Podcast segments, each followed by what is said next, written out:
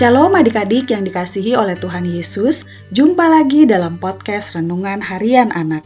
Apa kabar? Kiranya di mana pun adik-adik berada di sepanjang hari ini, kalian menikmati kebaikan dan kemurahan Tuhan. Sudah siap untuk mendengarkan firman Tuhan? Jikalau sudah dan Alkitab sudah kalian pegang, yuk sama-sama kita berdoa terlebih dahulu ya. Kita minta pertolongan dari Tuhan Allah Roh Kudus sepanjang kita mendengarkan firman Tuhan ini. Mari kita berdoa. Bapa Surgawi Bapa yang baik, sebentar kami akan bersama-sama untuk mendengarkan dan merenungkan firman-Mu. Sertai kami Tuhan, agar kami dapat belajar dengan baik, mendengarkan dengan baik, agar kami mengerti apa yang Tuhan mau untuk kami ketahui, dan apa yang Tuhan mau untuk kami kerjakan dalam hidup kami hari lepas hari. Terima kasih Bapa untuk kebaikan-Mu dalam hidup kami. Dalam nama Tuhan Yesus kami berdoa dan siap untuk mendengarkan firman-Mu. Amin.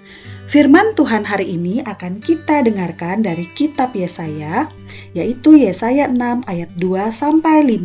Yesaya 6 ayat 2 sampai 5 tante akan menuturkannya untuk kita semua. Beginilah firman Tuhan. Para serafim berdiri di sebelah atasnya, masing-masing mempunyai enam sayap.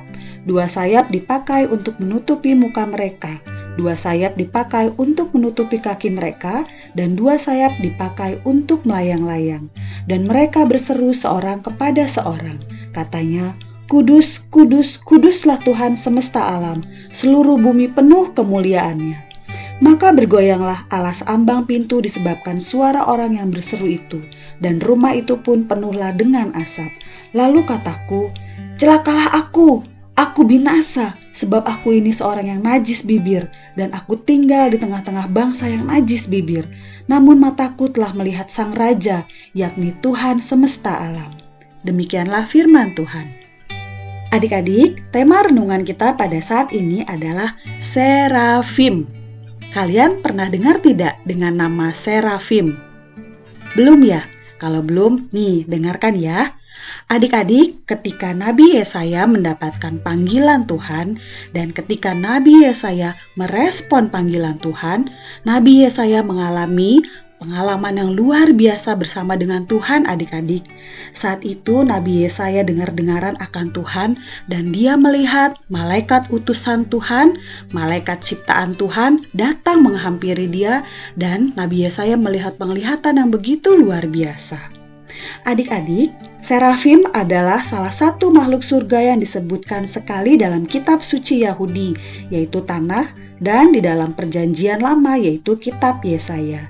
Kata serafim berasal dari bahasa Ibrani, yaitu seraf, yang artinya menyala atau the burning ones.